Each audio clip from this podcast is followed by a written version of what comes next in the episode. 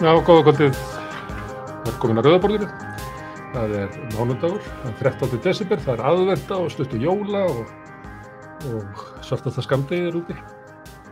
Hérna í janúar þá verður í, í á Íslensk uh, sósíalísku mentakommuninni verður hérna námskeið um, um aktivisma sem er eiginlega verður þetta að kalla svona masterclass í aktivisma. Það er þannig að hvers sinn þá kemur einhver sem að hefur einhvern baróttu manneskja sem hefur verið að berjast eh, fyrir einhverjum máli og segir bara frá sér og, og ræðir við þá sem eru á námskeiðinu og smátt og smátt ef þú sittur námskeiðið til enda þá ferður svona einsinn inn í það hvaða er að vera aðgerða sinni hvaða hvernig er best að hafa áhrif sem slíkur, hvaða áhrif það hefur á þig og hvaða áhrif þú getur haft í samfélaginu.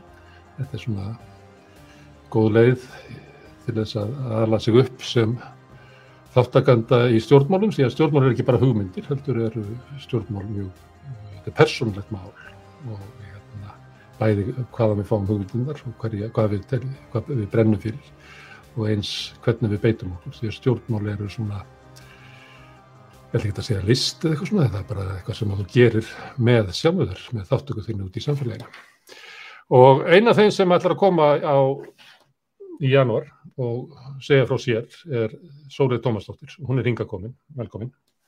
Takk fyrir. Og, já, ég ætla að skjóta inn í að svona, næstu svona á aðvendunni þá heyrum við í nokkrum af hérna, þeim sem verða á námstíðinu, það kemur í ljós setna. Herðu Sólið, þú hérna ert að tala við mig frá Þetta ekki við rauðaborðið, ég veit ekki hvernig borð þú ert við, en þú ert í Hollandi. Hvað er í Hollandi ertu? Ég er í borg, litilli háskólaborg sem heitir Nijmegen, sem er eiginlega alveg inni við Þýsku landamærin. Mjög Ah, austarlega, uh, kannski aðeins sunnar, uh, aðeins fyrir sunnan miðju. Hvað er, hvað er lítil borg? Er það svona 70-80 manna borg? Nei, það er svona 150.000. Já, svona eins og Reykjavík, stóri Reykjavík. Já, Já. Herðu, ertu, að því að við erum að tala um aktivisma og pólitík og hvað árið það hefur á líf fólks, ertu pólitískur flottamæður frá Íslandi?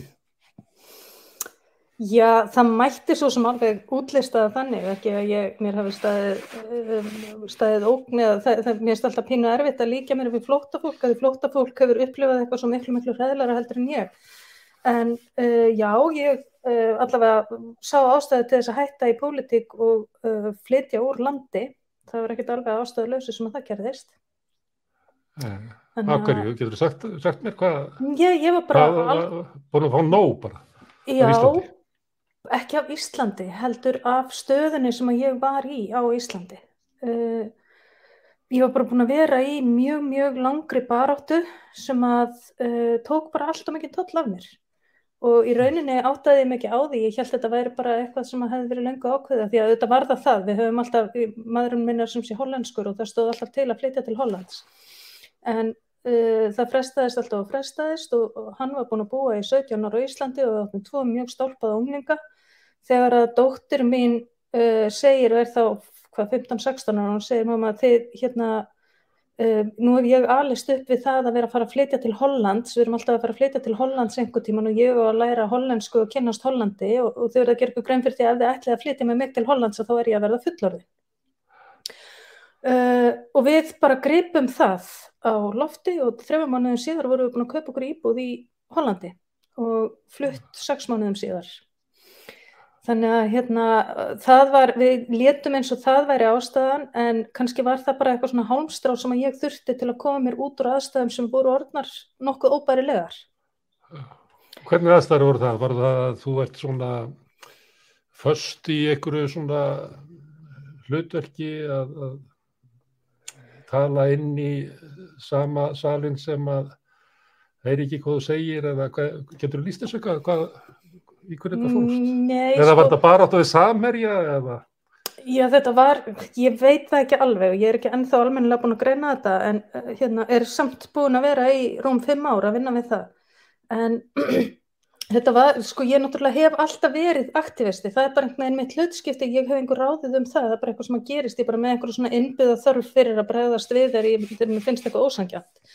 Eins og ásannlega við um fólk sem að festist svona í aðgerða sinna hlutverkina sko, eins og ég hef gert að, en uh, svo var það eiginlega um til að segja það sko Erfið, það er ekkert alveg hægt að greina hvað er erfiðast og hvað er auðvildast en það voru mjög erfið ára meðan ég var inni í henni hefðbundnu flokkapólitík. Hún tók mjög hart á mig, bæði vegna þess að þar með varði að ofinberi personu, ég, ég hafði talsverð völd þannig að það mátti réttilega gaggrina mig fyrir það sem ég var að gera uh, sem ofinber uh, fulltrúi almennings en svo voru líka bara alveg óbúslega erfið innan hús átök í hreyfingunni sem ég var hlutið af og uh, ég var, það var eiginlega alveg sama hvar ég var, ég átti aldrei örugt bakland nema hjá vinkonum mínu. Uh, inn í hreyfingunni minni var ég í stöðugastappi, um, í stjórnmálunum var ég það alveg sama hvort ég var í meiri eða minnulita þannig að átökinn sem ég hafði verið í í þessi tíu ár í fullu starfi voru bara búin að taka það mikinn toll af mér og ég gati ekki meir. Möndur þú segja að af því að ég var að tala við Viljón Birgisson á, á hérna upp á Skaga um daginn og þá rættum við svolítið um það að það dregur svona meira af manni að vera í átökum svona inn í, tjaldbúðunum ef maður er að líka sér við stríð sko. það, maður þreytist ekkert svo mikið að vera slost við anstæðingarna á vývöldunum en ef maður þarf líka að vera að deila inn í tjaldinu þá getur maður orðið svo ógeðslega þreytur Já og það er kannski ekki bara það, já. Og, og það er kannski ekki bara það að maður sé einhvern veginn í einhverjum átökum við fólkið sem er í kringum hann heldur, er það fólkið sem á að vera baklandi, þetta er fólkið sem að þú ættir að geta reiknað með stuðningi frá, ættir að geta reiknað með einhverju svona uppbyggilegri, uppbyggilegum samtölum þar sem þú geti verið að búa til eitthvað nýtt og halda áfram með baróttuna en ekki alltaf vera að berjast fyrir því að fá að tala, fá að hafa áherslutnar sem þú hefur og réttleita í rauninni tilvistina innan hrefingarinnar. Uh, vera alltaf viðbúin árásum hérðan og þaðan, vera aldrei almennilega samþygt sem manneskjan sem ég er.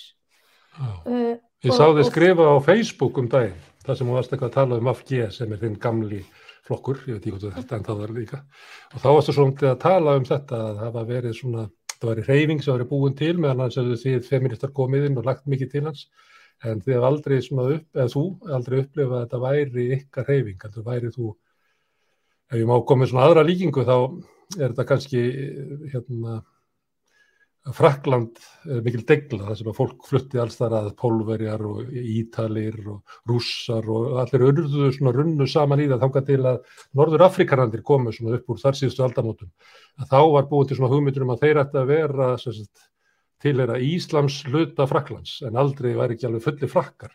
Ég veit ekki okkur með þetta er duga, þetta lýsingin var næstuði svona að, að þið feministarnir mættu bara vera feministar inn í VFG en þið var aldrei VFG sko, VFG var eitthvað annað en þið. Já, jú, við vorum og það er nefnilega það sem var uh, svo óþægilegt uh, við þetta er að það, það var mikilvægt að hafa okkur. Við vorum mikilvægur hluti af hreyfingunni að því að við börðumst fyrir einhverju sem var mjög stór hluti kjósenda vildi að VFG væri að gera.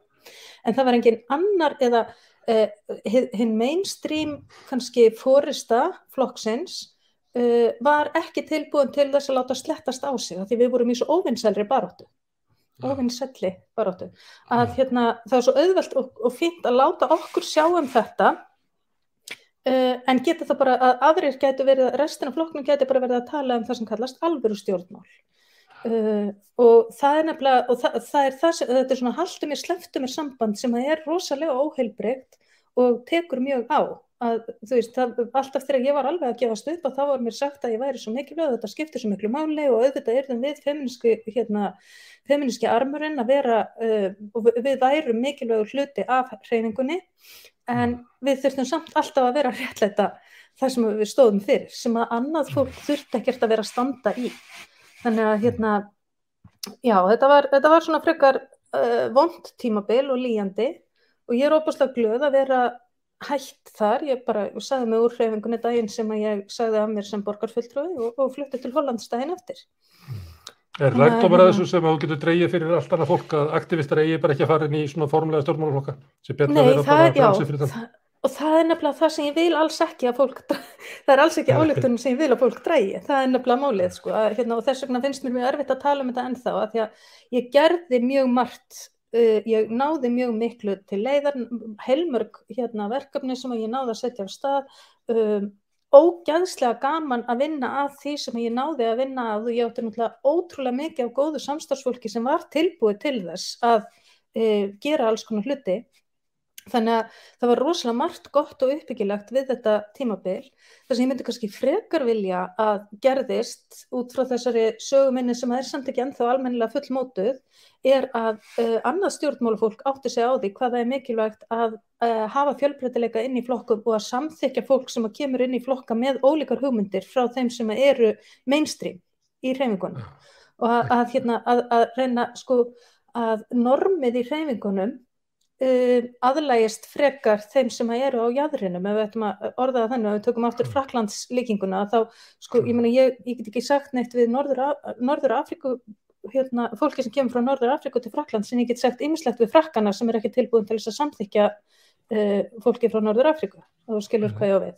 Það var ég að vísa, vísa í því hvernig frakka þessi fransk stjórnvöld tóku á móti þessum hópi, sko. ég var ekki að vísa Já, og þess vegna, Já, og það er eiginlega sama, ég myndi aldrei segja við einhvern frá Norður Afrika að viðkomandi ekki, ekki, ekki að flytja til Fraklands uh, vegna þess að það er mjög margt gott og frábært í Fraklandi en það er ímislegt sem hægt breyta í Fraklandi til þess að gera fleira fólk velkomið eða til að fleira fólk upplifa sér velkomið þar. Og það er eiginlega það sem að þarf að gerast í stjórnmálum og það þarf að vera um, svegrum fyrir fleiri sjónamið og ég, ég er náttúrulega uh, tala út frá þessum vinkli sem ég, svo vinkil sem að færir mig að stjórnmálunum og inn í stjórnmálun er feminískur vinkil og eftir, eftir því sem ég hef vorið svona þroskast sem feministi að þá hef ég lært að feminismi og, og fjölbreytilegi er eitthvað sem er órjúvanlegt þannig að uh, jafnrétti og mannréttindi er eitthvað sem hefur ekki ennþá öðlast sess sem mainstream pólitík.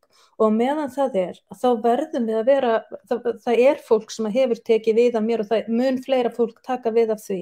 En það er umurlagt allt þetta fólk skulle þurfa að brenna út. Eins og hún hérna Cynthia Enlow sagði uh, patriarchy is sustained by women burning out. Feðraveldið þrýfst á kulnun hvenna, af því að það ekki bara að því að konur eru að sinna börnum og búi og, og þurfa að vera í fullri vinnu og allt, allt sem að hérna, þær, all ábreyðin sem þær þurfa að taka á sig, heldur eru þær líka í svo ógæðslega líjandi baróttu fyrir réttendum og tilvist.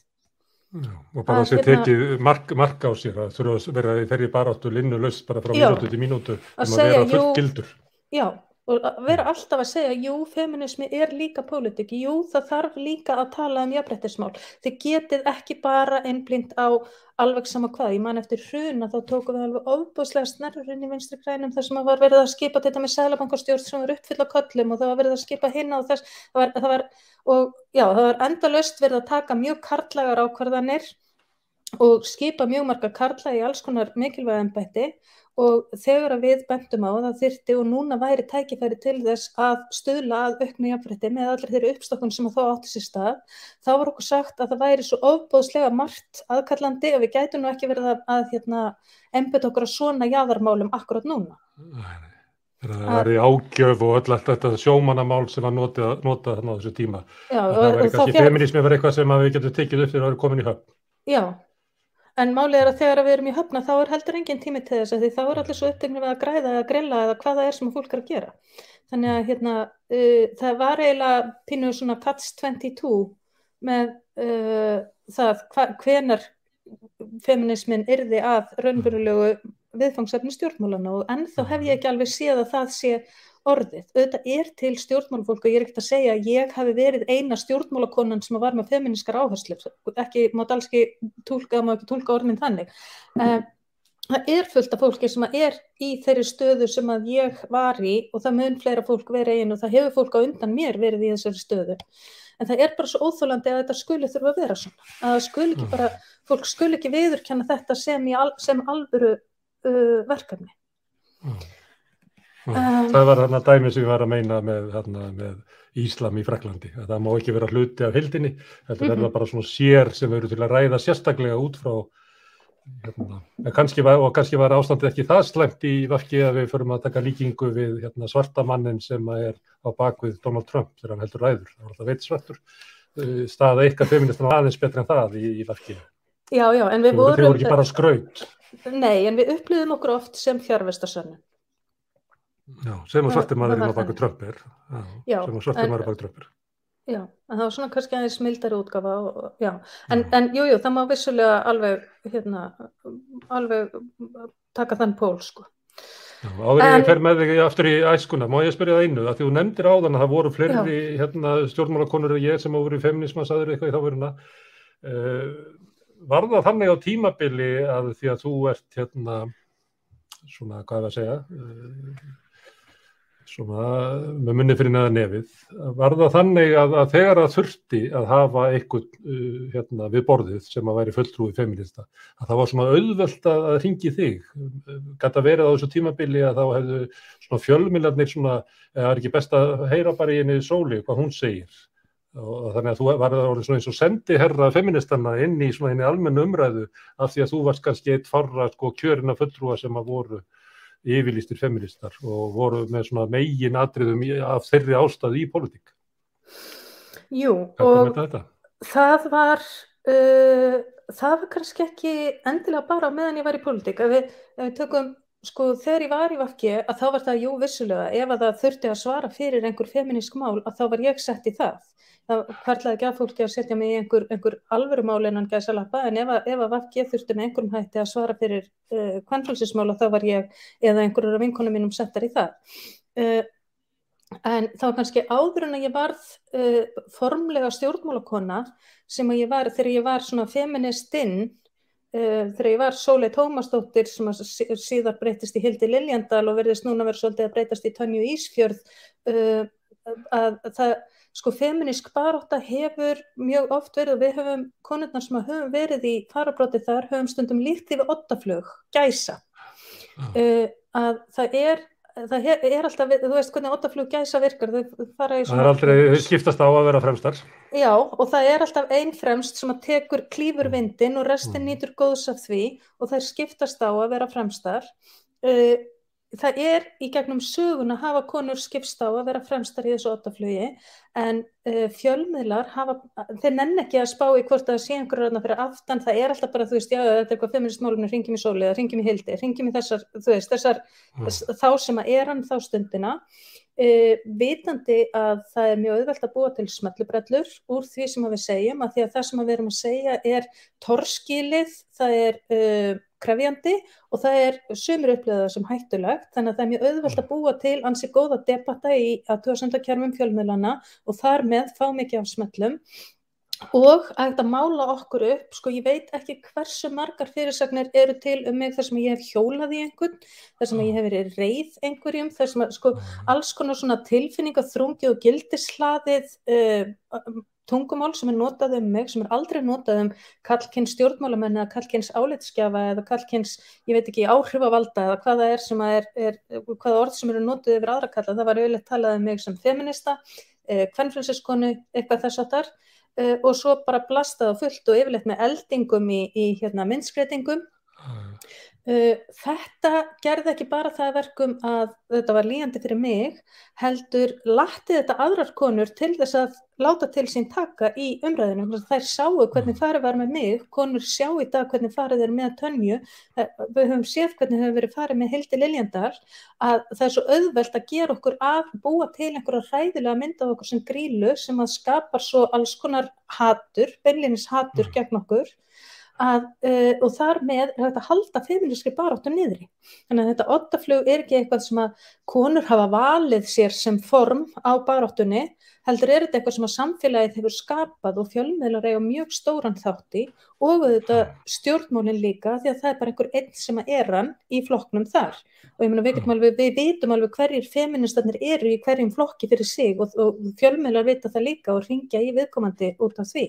En svo er sko Uh, ég man eftir einu sem að koma upp hjá Vafge uh, að það var þegar að Elias Jón Guðjónsson held ég hann sé uh, var þá aðstofað með Katrínar Jakobsdóttur um mentamálurraðunettinu og hann let, skrifaði, skrifaði einhver staðar orðið tussufínt Tussufínt? Tussufínt Ah, okay. Það verður uppi fótur og fyrt í samfélaginu um það hvort að aðstofað með mentamálurraðunettinu megi segja tussufínt eða ekki og öll spjót beinast að mér það var enginn sem hringdi í Elias Jón, það var enginn sem hringdi í Katrínu, uh, það bara hringdi í Sóliðu Tómasdóttur til þess að fá úrskurðum það hvort að maðurinn mætti nota orðið tussufínt.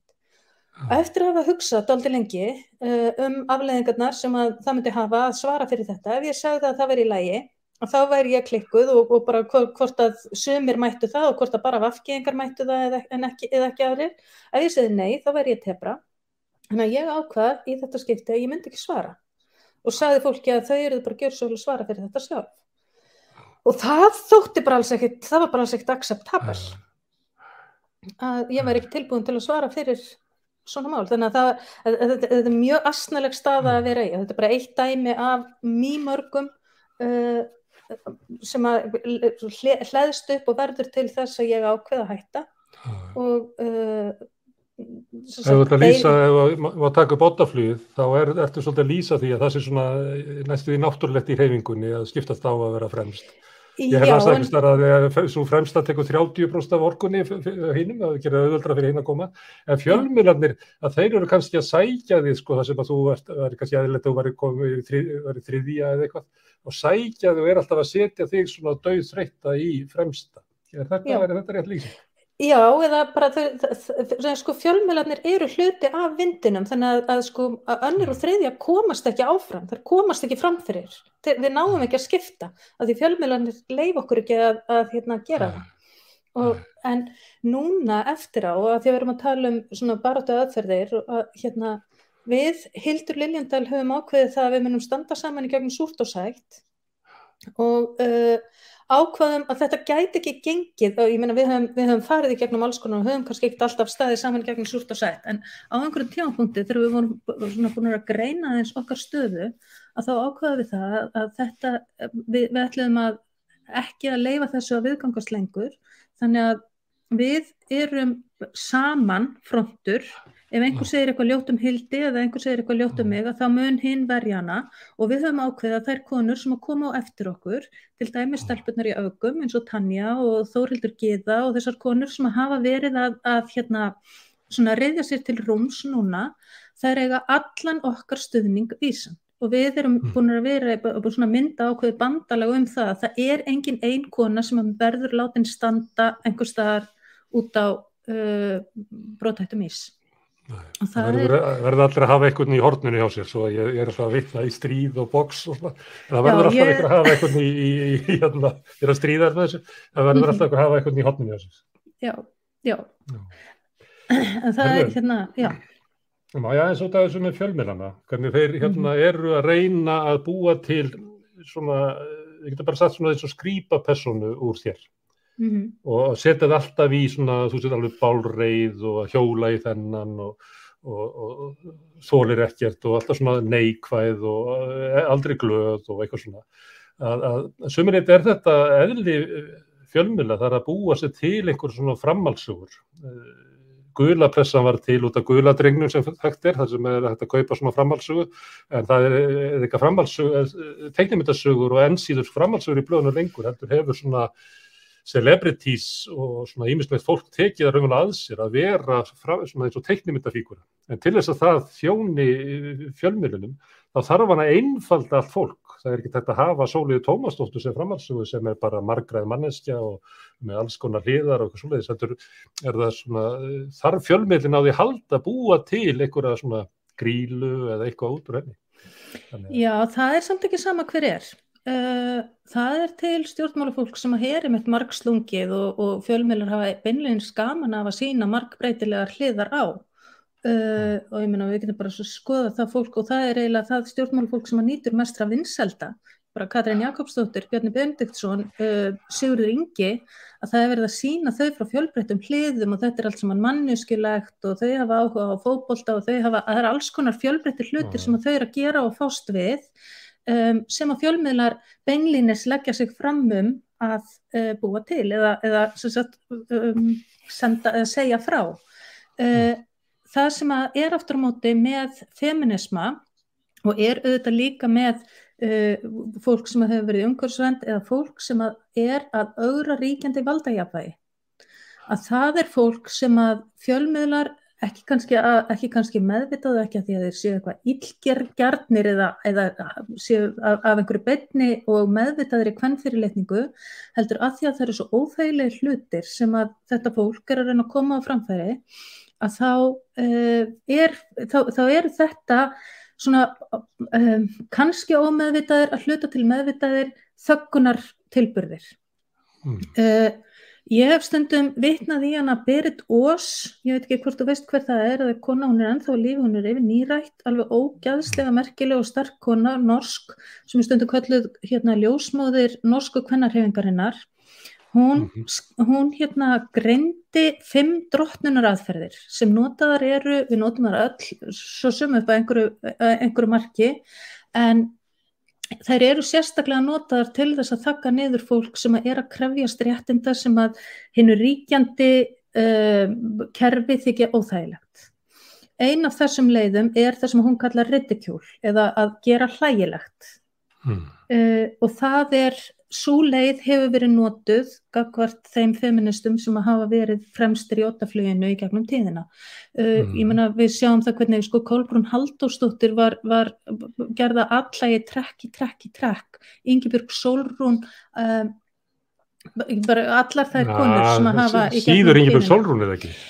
Yngibjörg Solrún á meðan hún var í, í kvennalistanum í gamla daga að þá var hún, svo varð hún og það er náttúrulega svo margt sem að getur gerst og margvíslega áhrif sem þetta getur haft. Ég barðist og barðist og barðist hann klipra hann út, hún uh, aðlagaðist meira reykjandi uh, stjórnmálum og fórað að hérna uh, komur að segja beina uh, aðgerðum sínum í, í fleiri farvegi þannig að hún var, varð minna ókmögjandi þannig að það eru, það eru svo sem ólíkar uh, hérna, aðferðið sem fólk hefur til þess að lifa þetta af en, uh, en það eru samt, það, þetta er ein af þessum leiðum sem eru bara þekktar og greindar uh, gegn fólki sem að er að svona, ógna ríkjandi valda strúttur í samfélagin. Mm.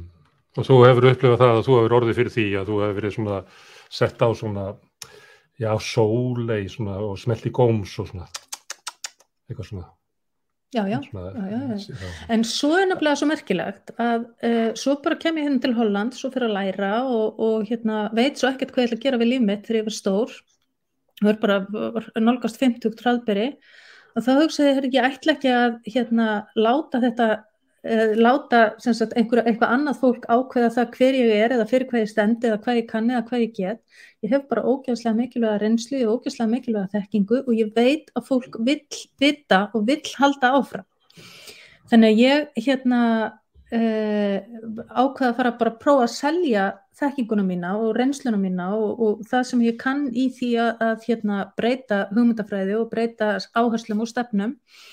Og uh, þá var svo merkilegt að í upphafi var fólk mjög skeptist og hugsaði bara hvað, hver heldur þú að ráði sóliðu tómastótur inn í fyrirtækis mm. af hverju óskupunum ætti einhver að vilja fá þessa, þessa hræðilegu konu til þess að hvað, og þá bara reka alla kalla eða hvað, hvað er það mm. sem hún á að geta lagt til uh, og endalöðs áherslu ef ég ætlaði nú að fara út í þetta og, og þú veist ef, ef ég liti ekki segjast þá er því allavega að reyna að passa mig á því að vera mild, vera, þú, að draga mig þá út úr aktivisma, ekki vera að tengja mig við Hildi Liljendal, ekki tengja mig við einhverjum svona aukastefnur reyna bara að mm. vera þá rosalega proper og helst bara klæða mig í drakt og vera, verða corporate sem að uh, ég get ekki gert og get ekki samþygt en uh, svo er það nú bara þannig að það er fullt af fyrirtækjum sem að sér í gegnum þessa ímynd og mm -hmm. er bara til í að, að hérna,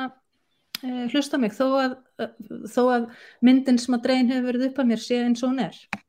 Þannig þú ert að verða svona corporate mainstream, dæmlega aktivistin.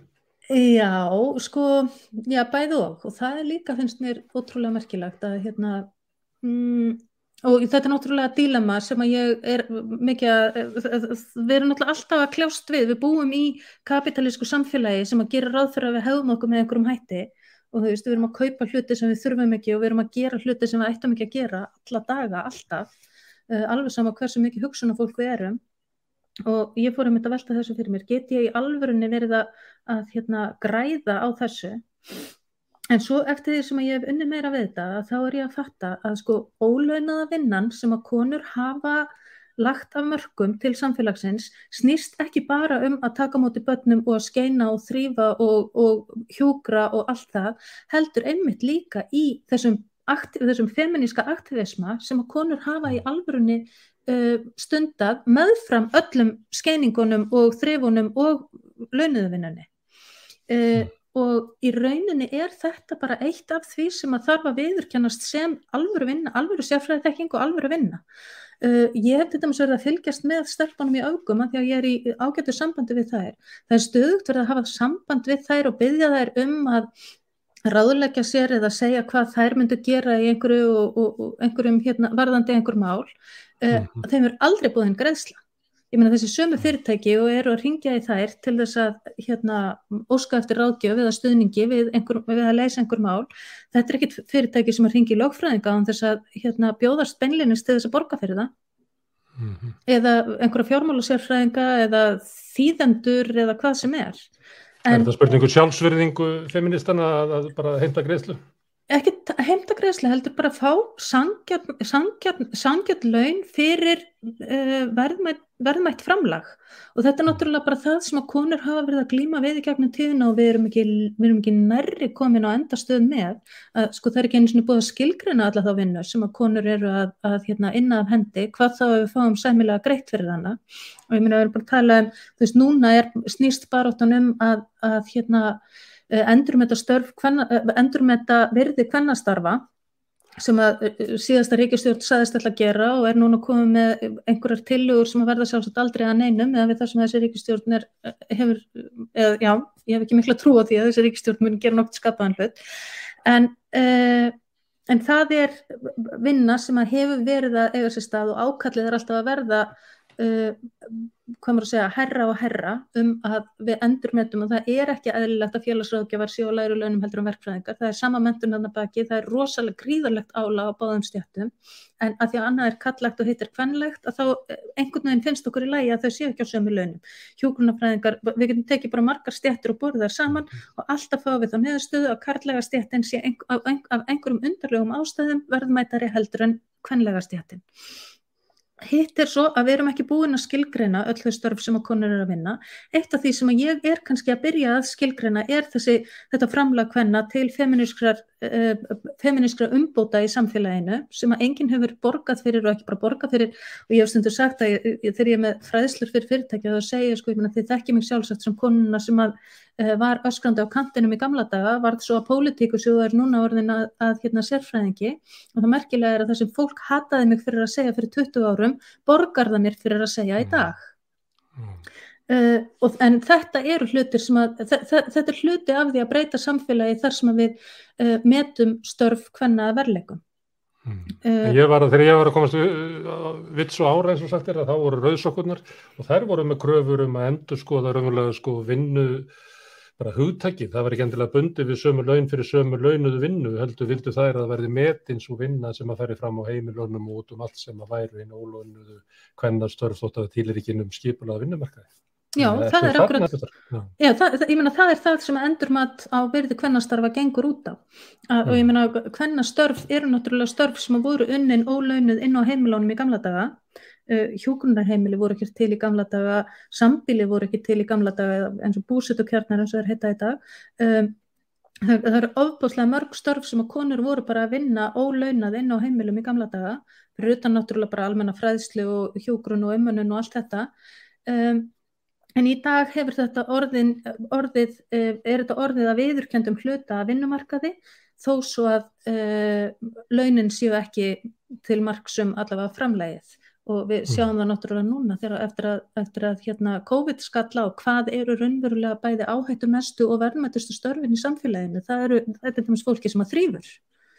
Uh, það er fólk sem er í raunverulegri hættu og meðan COVID er uh, reyður yfir og það er fólkið sem að tryggir örgja okkar allra, allra, allra mest. Það er okkar að spyrja einu í sambandi við umröðuna áður en að ég ætla að gera það sem mhm. ég lofaði, að byrja á byrjuninni. Já, við hérna, endum á byrjuninni.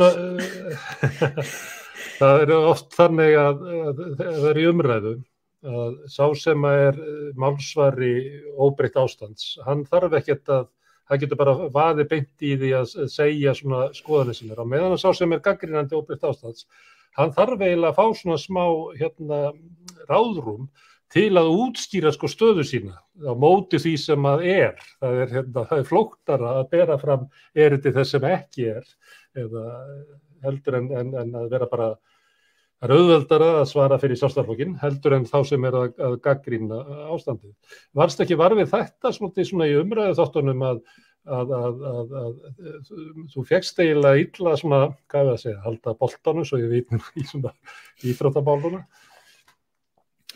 Uh, jú, uh, og, og það er náttúrulega hluti af þessu sem ég var að útskýra á þann að sko við, það sem að Eh, feminísk baróta er flókin, feminísk hugmyndafræði er flókin og umbætur á samfélaginu í þá aukins jafnbreyttis og fjölbreytileika er bara krefst þess að við lærum alls konar flókin hugtök, að við setjum okkur í spór fólk sem við vissum ekki að uh, væri að upplifa einhverja hluti uh, og að útskýra hvert og eitt af öllu þessu er bara alveg sjúklega flókið og bæði finnst fólkið að leiðinlegt, það finnst það óaðgengilegt og því finnst það fullkomin óþarfi. Þetta er bara væl og töð og vesen. Uh, Ertu vissu um það að þetta sé almenn skoðun? Nei, ekki almenn, en uh, nú er ég að tala um íhaldið. And, já, já, og þáttastjórnandur og annað slíkt, já. Já, að mótspyrnan, eða andspyrnan gegn þessu er, er pínu uh, svona og uh, þess vegna er það oft þannig að, að sko og þegar ég var í umræðu þáttum í gamla daga þá kannski náði ég að byrja að útskýra eitthvað. Það var gripið og svo var það ekki bara, ekki bara stöðvað heldur afskræmt. Mm. uh, að hérna það var og ég minna eitt þekktasta dæmið um þetta er náttúrulega ég hafi hatað sónminn þar sem ég var að reyna að útskýra í bladaviðtali að það hefði uh, það hefði verið ákveðið sjokk þegar ég fekk að vita að ég, með, að ég gengi með dreng, ég átti dóttur og ég á tvær sýstur, mamma á uh, fjóra sýstur og einn bróður. Það hafa eiginlega bara verið konur í kringum mig. Ég hef barist fyrir réttindum hvenna í gegnum tíðina, ég kann ekki alveg strák, ég veit ekki og það, það, það bara svona þyrmdi pínu yfir mig. Hvernig á ég að koma dreng til manns? Um, og uh, það er rosalega flókin pæling og ég er búin að ræða þetta við svo margar konur eftir að þessi umræða átti sér stað eða þetta var, þetta var eitt pínu lítið kvót í einhverju devafa viðtali sem var mm. ekkert útskýrt og aldrei útskýrt heldur tóku fjölmennar að sér að afbaka þetta í allar áttir og ennþá er það þannig að ef það byrtist fréttu mig að þá er einhver í aðtöðsendakjárhunum sem minnir á að uh, ég hafi ekki viljað eignast sónminn mm. sem að var aldrei málið heldur að í kynjuðu kerfi að þá er við, við hefjumst handa um leið og við veitum kynið, leið og við veitum um hvernig kynfæri barsins líta út, við veitum náttúrulega ekki hvert kyn barsins verður uh, en að þá hefjumst við handa við að hugsa hvernig við ætlum að móta það í anda kynjara staðalmynda í samfélaginu og ég meina eitt svona viðtal hefði krafist sko klukkutíma eða tveggja til þess að útskýra raunverulega hvaða var sem ég átti við. En það, ég fekk, ég fekk engan sens til þess. Uh, þannig að þú veist og það er, það er svo auðvelt að afbaka hlutina og það eru svo margir tilbúinir til þess. Uh, og ég, ég man eftir einu, ég var ekki að því að maður skrifa fram í það var einna vikulokki held að verið á þessu ári. Eitthvað í kringu svona einhverja MeToo bylgjuna og ég held að það verið þú sem að þá var hérna, held að Bergsvinn hafi verið með þetta. Og þá var bara að talað um, um, um feminisma í vikulókunum og man ekki hvort það var þú, ég held að það var vitt í það, það var ekki þú, en þá eins og þegar það verið minnjað þáttir og þá er þetta sagt bara, vá, hvað þetta er skrítið að vera hérna í þættinum. Og við erum ennþá að ræða þetta mál, þannig að við getum raunverulega og mér finnst þetta svo magnað vegna þess að þú ert kannski búin að vera í þessu hlutverki í hvað, 20 pluss ár og þetta maður upplýða þannig að þarna verður í fyrsta skipti að fá ráðrúm til þess að segja hvað þú varst raunverulega að minna. Já, einmitt, Jú, ég man eftir þessu, þetta var eftir, það er svolítið langt síðan þetta var, þetta var eftir hérna MeToo ráðstöfnuna sem var haldinn hérna í Reykjavík, það var klátt tvö ár síðan. Uh, hérna, uh, en já, það er einmitt, það er mjög sjálfgeft að fá tækifæri til þess að raunverulega útskýra málsitt og um, en alltaf jafn kærkomið. Ok, herðu, þá fyrir við byrjuna, aktivismi, hérna er það persónugalli? Er það hérna, eða þú veist svona í ákvæðri mynd af því hvað er, er, er það, ertu svona vegna þess að þú fætti svona, ertu svona yppigokkur alltaf að stappa niður fætinum að berjast gegn óriallæti og hefur þessun orðið svona eða hefur orðið svona af baróttunni, að hérna hefur baróttan mótaði heldur. Þetta er svona oft velt þessu fyrir sér við með alls konar hluti, þú veist hvað er hérna, erum við svona því að við urðum, urðum svona af því sem við vorum að gera eða erum við svona að því að við hefðum kannski alltaf orðið eitthvað svona cirka svona? Já, sko, ég veit það ekki. Ég, ég menna, ég var, ég held ég að verið nýjóra þegar ég neytaði að skrifa setninguna konan vinnur úti, konan vannreikir heimili sitt í stafsetningastíl í skólanum og hérna var reikin út á tíma og kennarinn ringir í mömmu og segir að hérna þetta sé bara, þetta gangi nú ekki lengur með mig. Og mamma svarar og segir fyrirgjafiðu kæri kennari en af hverju óskopunum ætlastu til þess að batna mitt skrifi niður þess að fælu uh, hvort að það er sko hvort kemur á undan hænan eða ekki þessu til, tilviki veit ég ekki. Ég er alveg upp að mjög sterkum fyrirmyndum. Ég meina ég bæði amma og mamma og, og fullt af konum í kringum mig hafa alltaf verið mér mjög miklar fyrirmyndir. Uh, og ég einhvern veginn fjekk feminisma svolítið með móðurmjölkinni en ég hef síðan, já ég held að þetta dæmi frá því að ég var nýjára kannski það fyrsta. En ég var stöðugt og hef bara, ég menna það skipti eiginlega engum máli hvort ég var að vinna í bakari með mentaskóla eða og, og, og, hérna í búsetukjarnar með háskóla eða hvar sem var, alltaf var eitthvað sem að mér fannst þurfa að laga og lág ekki á liðum mínu með það. Uh, þannig að, og ég minna, ég, svo var þetta þess að misvel teki, ég var í auðlýsingabransan með um tíma, uh, þar var sem betur fyrir með mjög góðu fólki þar sem fólk virkilega tók og það var svona umfærleiti sem að feministafélagi var stopnað að þar var fólk að vinna sem að fannst bara gott að fá mitt input. Og vildi bara að ég hérna segði skoðanir mínar á því sem að vera að vera framleiða og ég held að ég hef komið vekk fyrir kannski ansi mörg klúður þar. Uh, ég man einhvern tíma stóð til til dæmis að búa til einhverju auðlýsingu fyrir Egil's Kristall, það var ein hugmynd sem að koma upp sem átti að vera einhver allsperr kona syndandi í vatni og, og svo hugmynd var borin undir mig og ég útskýrði að það væri kannski ekki góð hugmynd. Um, en þú veist fullt af svona einhverjum asnalegum hugmyndum sem að uh, urðu ekki að verileika að því að leiðinda konan komið vekk fyrir það. En var, þar fann ég að í, í mjög mörgum tilfellum að þá kunni fólk bara meta það að ég var hérna, að ég hafði þessar skoðanir og, og þær skiptu máli. Um, svo þegar ég var að vinna hjá ITR í Reykjavík að þá var þessi áhugin líka mjög hérna já þessar áherslunum mín og fólk kunni vel að meta þær og ég fikk að halda alls konar fræðslur fyrir samstagsfólk mitt um mikilvægi þess að við tækjum kynjavingil enn í uppöldismálum og eitthvað svona en það var bara frábært og svo endaði ég náttúrulega í, í stjórnmálum sko.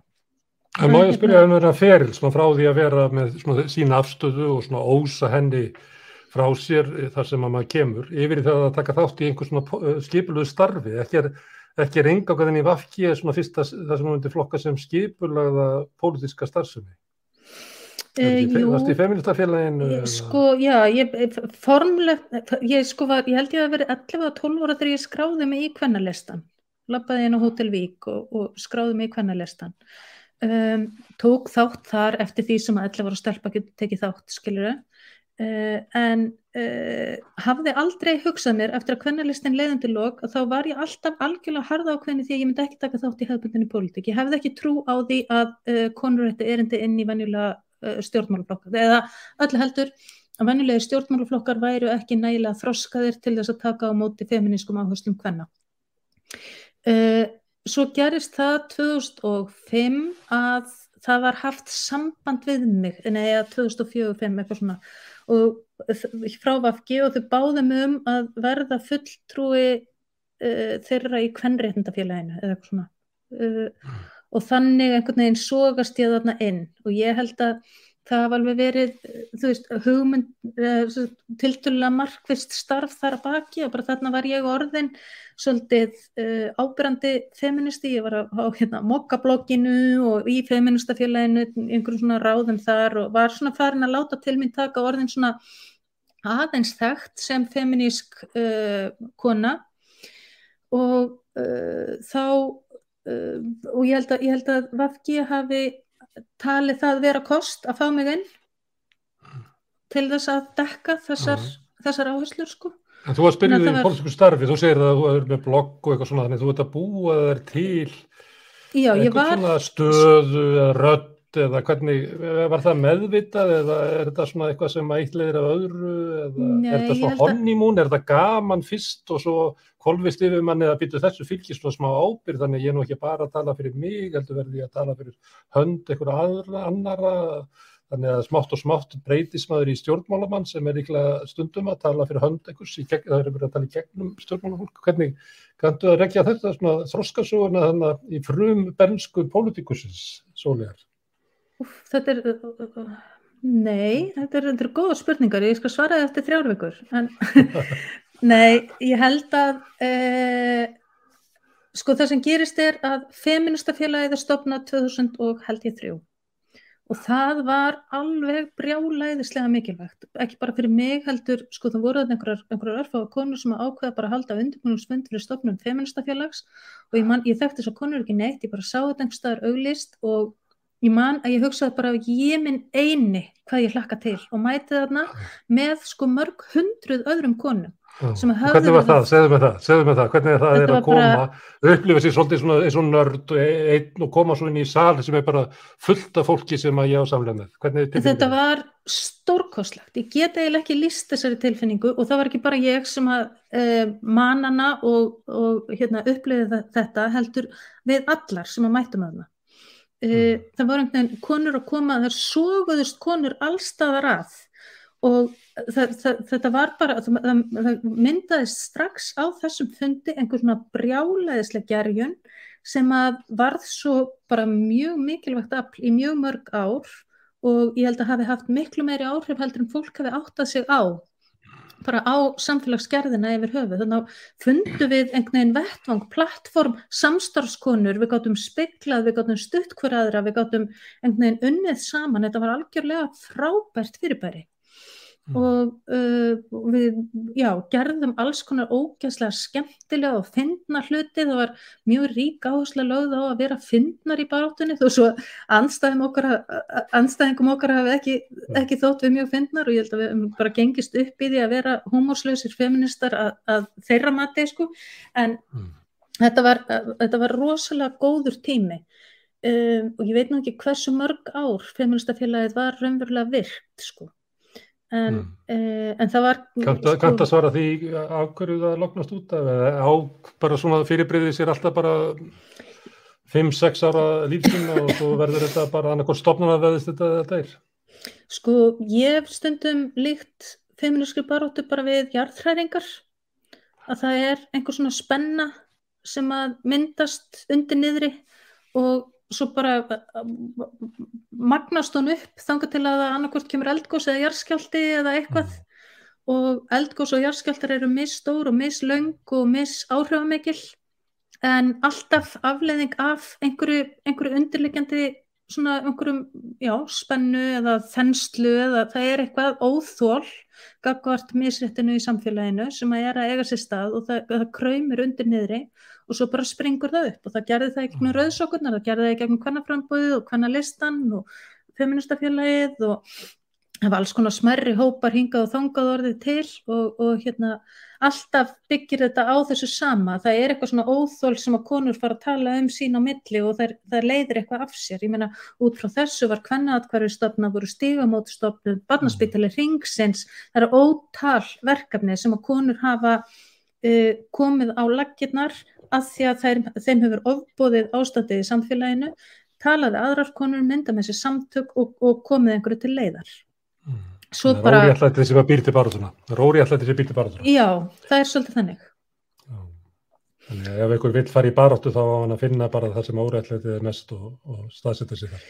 Já, ég hef stundur sagt ég manna það var einhvern tíman fyrirtæki sem hafið sambandið með þess að hérna soliða þar til að ráðleika okkur, nú erum við, við erum komin með jafnbreytis áallun og við erum komin með hérna, nú, það, það er einhvern veginn, við erum komin með allt sem að þarf að vera til staðar, hvað getur við eiginlega gert í jafnbreytismál?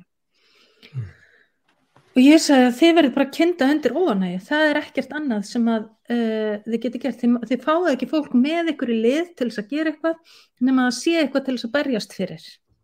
Þannig að við þurfum að annarkost afhjúpa eitthvað eða uh, greina eitthvað, skilja eitthvað, átt okkur á einhverju, einhver, það verður að vera eitthvað misrétti eða mis, það, það þarf einhver að þarf einhverjum að mislíka til þess að vilja breyta einhverju. Eh, það þýðir ekki að í þessu fyrirtæki hafi allt verið fullkomið og það er akkurat það sem ég bendi það fólki á þá skulum við skoða hvernig er raunveruleg staða hvernig eða minnlutahópa í, í fyrirtækinu eða í bara hver sem er. Ég meni við getum alltaf, er, við, við þurfum bara að kafa aðeins stýpra. Það krafst þess að við þurfum aðeins að, að hérna, horfast í augu við sjálf okkur og annað fólk og kannski taka á óþægilegri málum heldur en vera mön. Eitt er að, að skoða kynjakvóta og, og launamísrétti en, en þú veist hérna hann Ditti sem er 60 og er alltaf að segja svona tiltölu óveðandi brandara, ég meina þurfum við í alveg að taka honum? Mm. Já, við getum þurft að gera það og þá þurfum við kannski líka að taka á kvallanum sem er alltaf saman í lagsveiði og þá þurfum við kannski líka að taka á því hvernig við tölum saman og, og hvenar ákvarðanir eru teknar og hverjir það eru sem tala saman fyrir fundi og hverjir það eru sem og allt hitt sko. Um, en, en ef bara áttan að vexa óreitlætinu, hvað er mest óreitlæti í dag? Hvað sérðu bara áttu bara að segja næstu missera og ára verða? Sko kynbundið misrétti sem að varðar jáðarsetta, misrætti gagvart konum og jáðarsettum hópum í samfélaginu er uh, á sér svo ógæðslega margar byrtingamindir að við, það er af nóg að taka. Uh, þetta skiptir allt máli, það skiptir máli að, að þetta hefur áhrif allt hvert á annað. Uh, ástæðan fyrir því að vera með kynbundu ofbeldi í samfélaginu er svo að konur eru á ólíkum, er, er ekki á sömu launum og kallar og hafa ekki sömu tækifæri á vinnumarkaði og kallar og uh, þurfa að sinna börnunum í ríkari mæli heldur en kallar.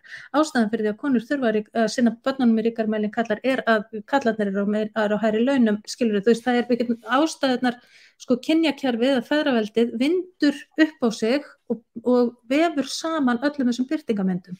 Þannig að í raun og veru skiptir engum máli hvaða byrtingamynd við tökum á, uh, það mun, mun alltaf hjálpa uh, hinnum byrtingamyndunum, þess að sagt, hjálpa til við að afmá hinnar byrtingamyndin. Þú ætlar ekki að lendi því að vera að segja að við hefðum nú frekar átt að vera að berja sér í þessu heldur en þessu. Þú ætlar bara að leifa feministum að velja því bara það sem þær vilja ræðum og þú bara stimplar það allt saman gott og gild. Við erum með hlaðborð af verkefnum mm. Sem við þurfum að taka á. Það er samt þannig að alvarlegasta byrtingamind kynjaminsvetis er kynbundi ofbeldi og ofbeldi gagvart konum og jáðarsettu fólki er algjörlega óásætanleg um, og þar er hugrakasta fólkið uh, og það þarf ekki, það er ekkit endilega degð að vera hugrak ég veit það alveg sjálf og ég menna það, það er fullt af fólki sem finnst bara þægilega að vera að, að hérna, tala um eitthvað sem fær ekki svona ofbúslega mikið mótlæti eins og kynbundu ofbeldi og þá er það bara alltaf lægi. Það er líka til fólk sem getur verið í því og þá við bara skiptum með okkur verkum eftir því hverju við erum góði og hvað við treystum okkur til að gera. En mm. kynbundu ofbeldi er það sem við verðum að uppræta og það væri svo ótrúlega gott ef við gætum til dæmis bara treyst því að við værum með fólk í um, ríkistjórn sem að myndi ætla sér að taka á þeim málum en ekki menn sem að hafa gert lítið úr þólendum og, og hérna og uh, baróttunni gegn uh, kynbundna ofbeldi með sko svífyrðilegum hætti í gegnum árana mm. rás. Þessi mál eru nú ekki á borði ráðherra sem er svona félagið þinn í baróttunni? Nei, sannlega ekki. Nei. Nei, og það er, ég bara hef sjaldan orðið fyrir öðrum eins og vonbregðum eins og þegar ég sá hvernig þessi ríkistjórn var mynduð og svo bætir hann gráðan og svart með að ráða þarna Brynjar þarna mm. hvað, hva, what's his name? Níelsson. Um, já. Mm. uh, já, já. Uh, þetta er sorglega niðurstaða kostingarna að kostingarna hafi verið til þess að Jón Gunnarsson er í tónsmálar það er eina breytingi sko. Það er svo að viljum eitthvað í mettamálandur nei, helbriðsvondur, þannig að það er eitthvað breytingar sko. Nei, nei, mitt, nei, mitt. Mm. en ég ætla ekki að narra því að tala ítlum um afgi, ég ætla ekki að gera það eins og ég sé ekki búin að vera að því en nei, nei, en það er hérna þetta, nú er hárið allt farið hérna úr skorðum fyrir ekki Ertu þarna? Já, já, já, já. Uh, Nei, ég hérna held að það sé engin þörf á því en, en ég held sko það er uh, það góða við jafnbryttisbaratuna er að það er nóg eftir það er engin að, að Mm. hérna, við, við þurfum ekkert að, að fara að finna okkur eitthvað annað áhuga mál en það vonda Mm. er að þetta tekur allt á langan tíma Já, og getur verið erfitt. Þú ert svolítið þannig gerða, þú ert að tala um svona sömu þætti gott að vera, við getum sett hugrökk að vera það sem er mest kilt tilbaka og eitthvað svolítið. Þú hefur svona frekar valið er þau átök, það sem er harðasta andstæðan. Já, ég bara, nei, nei, nei, það er alls ekki þannig. Ég hef líka tekið alls konar aðra slægi. Það er bara er ekki eins augljóst og það er bara þannig með hérna pólitíkina að, Mm. að sjónin, sjónum fólks er alltaf beint að mestu átökunum. En auðvitað var ég Mm. líka að vinna í kynbundur launamun og, og, og, og alls, konar, alls konar hlutum sem bara sást ekki eins mikið að því að mótlætið var ekki eins mikið og átökinu ekki eins mikið, sko. Þannig að ég hef nú reynd að vera bara, gera bara gagn þar sem að ég er þá stundina. En sko nú hef ég smá ágjör af því að ég sé búin að draga upp svo opaslega dökka mynd af því að vera aktivisti og þetta sé svo ógeðslega erfitt og hræðilegt. Ég upplifði og- það alls ekki þannig sko. Nei, af því að það er alls Alls ekki þannig. Þetta er, Nei, er brjálæðislega sko. gefandi. Nei, Já, ok. já, ég Bara þannig að hlustundur sko. séu það alveg á, með það alveg á hreinu að þetta er Já. sko virkilega gefandi og ég maður, þetta, þetta er svolítið eins og að þú veist vakna til bassins í svo nóttunni þú veist, þetta er, Mm. getur verið þreytandi og, og þú veist, það getur verið að þið langi kannski meira að sofa en það kvarlar ekki að þér að gera eitthvað annað heldur en að fara og sinna barninu þeinu, skilur það er að sama með þetta, þetta er bara eitthvað svona auðvitað tökum við þessa slægi, við bara gerum Mm. það og það er hægt að hafa það gaman á meðan við gerum það En að því að við erum með svona þetta námskeið sem að hérna þú og fleiri hérna hafa fallist á að koma og hitta fólk og ræða um baráttuna og sömur þetta líka svona um það hvernig er að vera baráttu manneskja. Hérna, ef þú horfir svona tilbaka yfir svona þinn feril í þessu, hérna, skiptir það máli að maður svona gerir það upp við sig svona persónulega? Ég er feministi og ég ætla að vinna sem feministi sem svona bara sem eins og svona persónuleg upp, uppgötum eins og að bara koma út úr skápnum eða gangast við sér eða einhverju slíku orðfæri sem maður mætti nota á það áður maður fer í baráttuna er, er þetta eh, þótt að maður sé út á vellinum í svona samfélagslegum málum þarf maður að, svona að svona horfa svolítið í augu við sjálfa sig og, og meta sig sem að, að hérna ég er hérna eh, með þessa afstöðu en ég er líka svolítið vopnið í baráttunni. Er þetta, er þetta sem sagt persónuleg uppgjör sem að fólk gerir til þess að geta orðið að svona virkum aktivista? Nei, ég held ekki. Uh, ég held að sé miklu fleira fólk í aktivisma heldur en uh, skilgrenni sig sem aktivista. Mm. Uh, það er fullt af fólki sem að er að beita sér fyrir alls konar réttlætismálum án þess að þóra að skilgreina sig með einhverjum hætti eða, eða vera alltaf að taka slægi eða vera að því út af einhverju sérstöku. Stundum er, segir bara hjartað eða mægin að, að eitthvað sé ósangjant og þú tekur á því og það er bara frábært og það er, það er aktivismi líka. Uh, Mm. Þannig að nei, það skiptir held ég engu máli almennilega, eða en- engu afgerandi máli hvernig fólk skilgrænir sig. Það sem að ég þóla aftur á móti ekki er þegar fólk segist vera feministi á uh, tillitugum og gerir svo ekki dýði. Já. Það er miklu, miklu verra. Herðu Solveig, við erum búin að tala í klukkutíma. Þakka að kjallaði fyrir að, að staldra hérna við og gefa tíma í þetta. Og ég tekka fram að, að, að Solveig fær ekkert borga fyrir þetta. Þá voru við að tala um það að, að helst ætti bara að, að heitna þess að fá að borga fyrir það. Þetta er hluti af hennar samfélagslegu framlægi sem hún er verið að auðsa af undanfarna áratvíu. Og þakka að kjallaði fyrir það. Komið hérna. Þakka líka kjallaði fyrir að taka þátt í námskeinu. Hvet í hérna hlustötu til þess að fylgjast með því. Það verður fjallað um það í, hérna, á, á Facebook og, og víðar og ég mun segja frá því þessum þáttum þegar nær dregur hvenar þættinir, hvenar námskið er og í hvaða röða kemur en hérna, við höldum áfram hérna á aðvendunni að, að tala við fólk sem að hérna maður ætlar að taka þátt í í, í, í hérna í námskeiðinu og hérna á fimmtudaginn til dæmis kemur hún Sema Erla sem hefur staðið mikill í baróttu fyrir uh, útlendinga og gegn útlendingaandu og rasism á Íslandi og það verður forðilegt að heyra hennar sögum. En ég þakka Sóli aftur kjallaði fyrir og ykkur hlustundu fyrir að staldra hérna við og minn ykkur á að, að rauðaborðu verður aftur líka á morgun. Takk að nátt, sjáumst á, takk fyrir ykkur.